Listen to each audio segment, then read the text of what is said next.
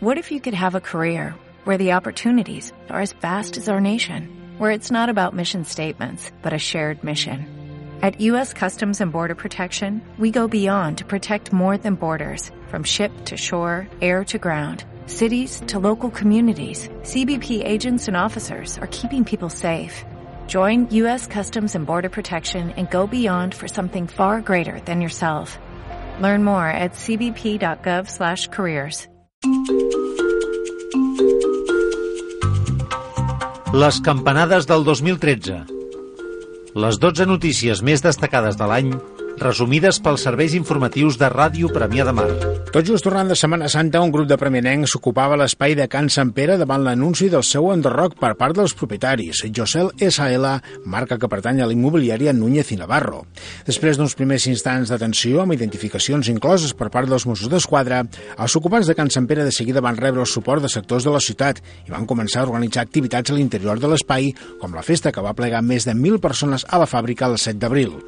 Amb el pas del temps va acabar l'ocupació permanent de l'espai i es va crear el casal social autogestionat de Can Sant Pere. Primer Notícies va parlar amb l'advocat de José Rafael Jiménez, qui ens explicava que la intenció de l'empresa era aixecar a Can Sant Pere una construcció dedicada a les noves tecnologies, una instal·lació que havia de donar lloc de treball als premenencs. L'escoltem. El que es, es construeix allà és, torno a dir, un edifici modern en el que s'implanten noves tecnologies i que en el fons nosaltres creiem que això seria per la població eh, seria bo crearia llocs de treball que és, en fi, tot el que al seu voltant una qüestió d'aquestes doncs, produeix. De totes maneres, ja li dic, jo soc l'advocat, jo li puc parlar de temes jurídics, jo no li puc parlar d'altres temes. Si té bon tema li puc començar el tipus tècnic, li puc parlar de quina és la situació jurídica que tenim en aquests moments amb aquesta situació, res més. Jiménez negava que l'Ajuntament hagués fet cap contraoferta a Josel com una permuta d'espais, cosa que l'Ajuntament mantenia. En aquest sentit, l'alcalde Miquel Buc va explicar que en les negociacions hi havia estat present el propi Rafael Jiménez. Buc considerava que si Josel pretenia aixecar una fàbrica a Can Sant Pere, no hauria impugnat el Pla d'Ordenació Urbanística Municipal. L'alcalde va alertar que la batalla amb Josel seria jurídica i en aquest sentit han hagut alguns exemples.